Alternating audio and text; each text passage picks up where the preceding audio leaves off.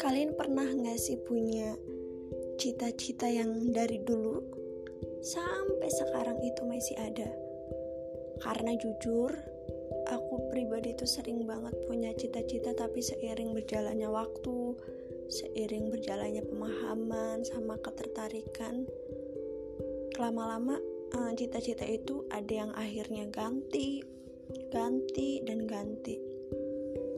Tapi menarik banget ada satu cita-cita aku yang dari dulu sampai sekarang itu masih kayak konsisten ah gue mau itu. Dan cita-cita itu pergi ke Eropa. Jadi dulu tuh aku tuh kan sebelum suka sama novel um, cuman bisa ngeliat sesuatu dari film. Dan aku inget banget ada film waktu itu mungkin musim liburan kali ya. Di salah satu channel TV swasta. Itu kalau nggak salah kalau nggak Laskar Pelangi itu sang pemimpi yang mm, anaknya itu dia dapat beasiswa ke Universitas Sorbonne di Paris.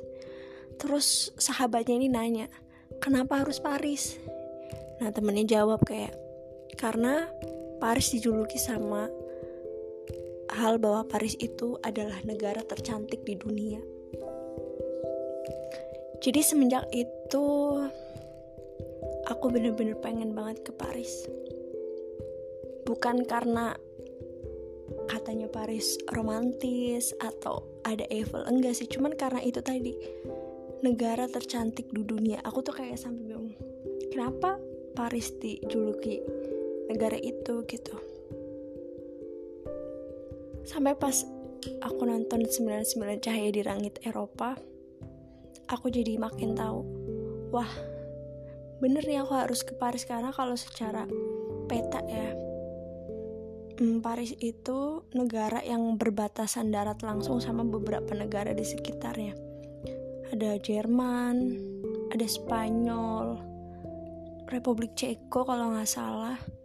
Bahkan kalau nggak salah deket juga sama London kalau nggak salah sih.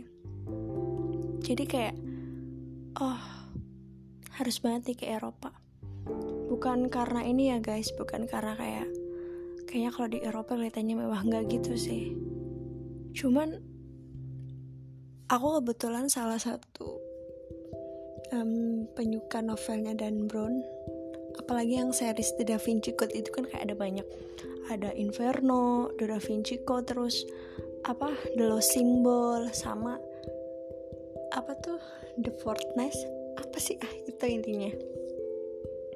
Dan di situ tuh intinya bahwa pada zaman dahulu orang filsuf atau tokoh yang ternama itu ngebuat sesuatu tuh bukan tanpa alasan. Kayak pasti ada kode-kode yang tersembunyi bahasanya nggak asal jadi lah gitu dari mulai bangunannya bentuknya menggambarkan apa, melambangkan apa, bahkan dari kayak ukuran bangunannya, jumlah bangunannya itu tuh mempunyai representasi yang meaningful aslinya gitu. Makanya kalau kita ke Eropa tuh kita ngelihat bangunannya itu juga unik-unik sih. Bahkan uh, bukan cuman sekedar unik ya, secara sejarah agamanya juga. Masya Allah banget ini. Dan itu kenapa aku pengen ke Eropa. Kayaknya aku ngerasa Kalau aku udah bisa ke Eropa nih Aku gak takut lagi buat mimpi banyak hal. Ya dari dulu emang aku udah mimpinya udah banyak sih.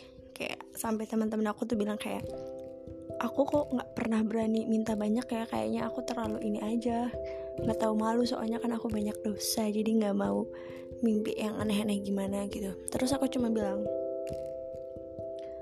karena aku tahu Tuhanku baik jadi kalau aku nggak pernah punya mimpi justru aku yang uh, mungkin tidak percaya sama kekuasaan Tuhan aku. Aku percaya Tuhan maha baik maha kaya. Itu kenapa aku berdoa segitu banyaknya. Karena aku punya Tuhan dan mimpi-mimpi itu yang akhirnya ketika buat kita bangun di pagi hari itu kayak jadi lebih semangat gitu. Karena bayangin aja ya bertahun-tahun kita mungkin uh, ngelakuin skema yang sama bangun tidur mungkin ada yang kuliah ada yang sekolah ada yang kerja bertahun-tahun. Kalau kita nggak punya tujuan mungkin kita kayak ya udah jalanin aja. Tapi kalau kita punya goals kita bakal lebih semangat buat ngelakuin hal-hal itu jadi mimpi kalian apa? Um, bermimpi tuh kadang um, orang bilangnya jangan berekspektasi terlalu tinggi. Tapi menurut aku pribadi mimpi itu bukan ekspektasi sih. Karena ekspektasi itu lebih cenderung sesuatu yang berhubungan ke orang lain. Gitu. Ya mungkin juga bisa sama diri sendiri sih. Cuma buat aku kayak selama kamu tidak menggantungkan sesuatu kepada orang lain itu bukan ekspektasi yang salah tapi kalau kamu punya ekspektasi terhadap diri sendiri aku rasa itu manusiawi karena manusia itu perlu dan sangat perlu untuk berkembang gitu. Jadi kayak mimpi itu kan tergantung dari apa yang kita usahakan juga kan. Kalau jadi alhamdulillah seenggaknya kita udah coba our best gitu kayak kita udah nyoba yang terbaik dari diri kita gimana jadi buat kalian jangan takut buat bermimpi karena kalian selalu punya Tuhan kok Selamat weekend.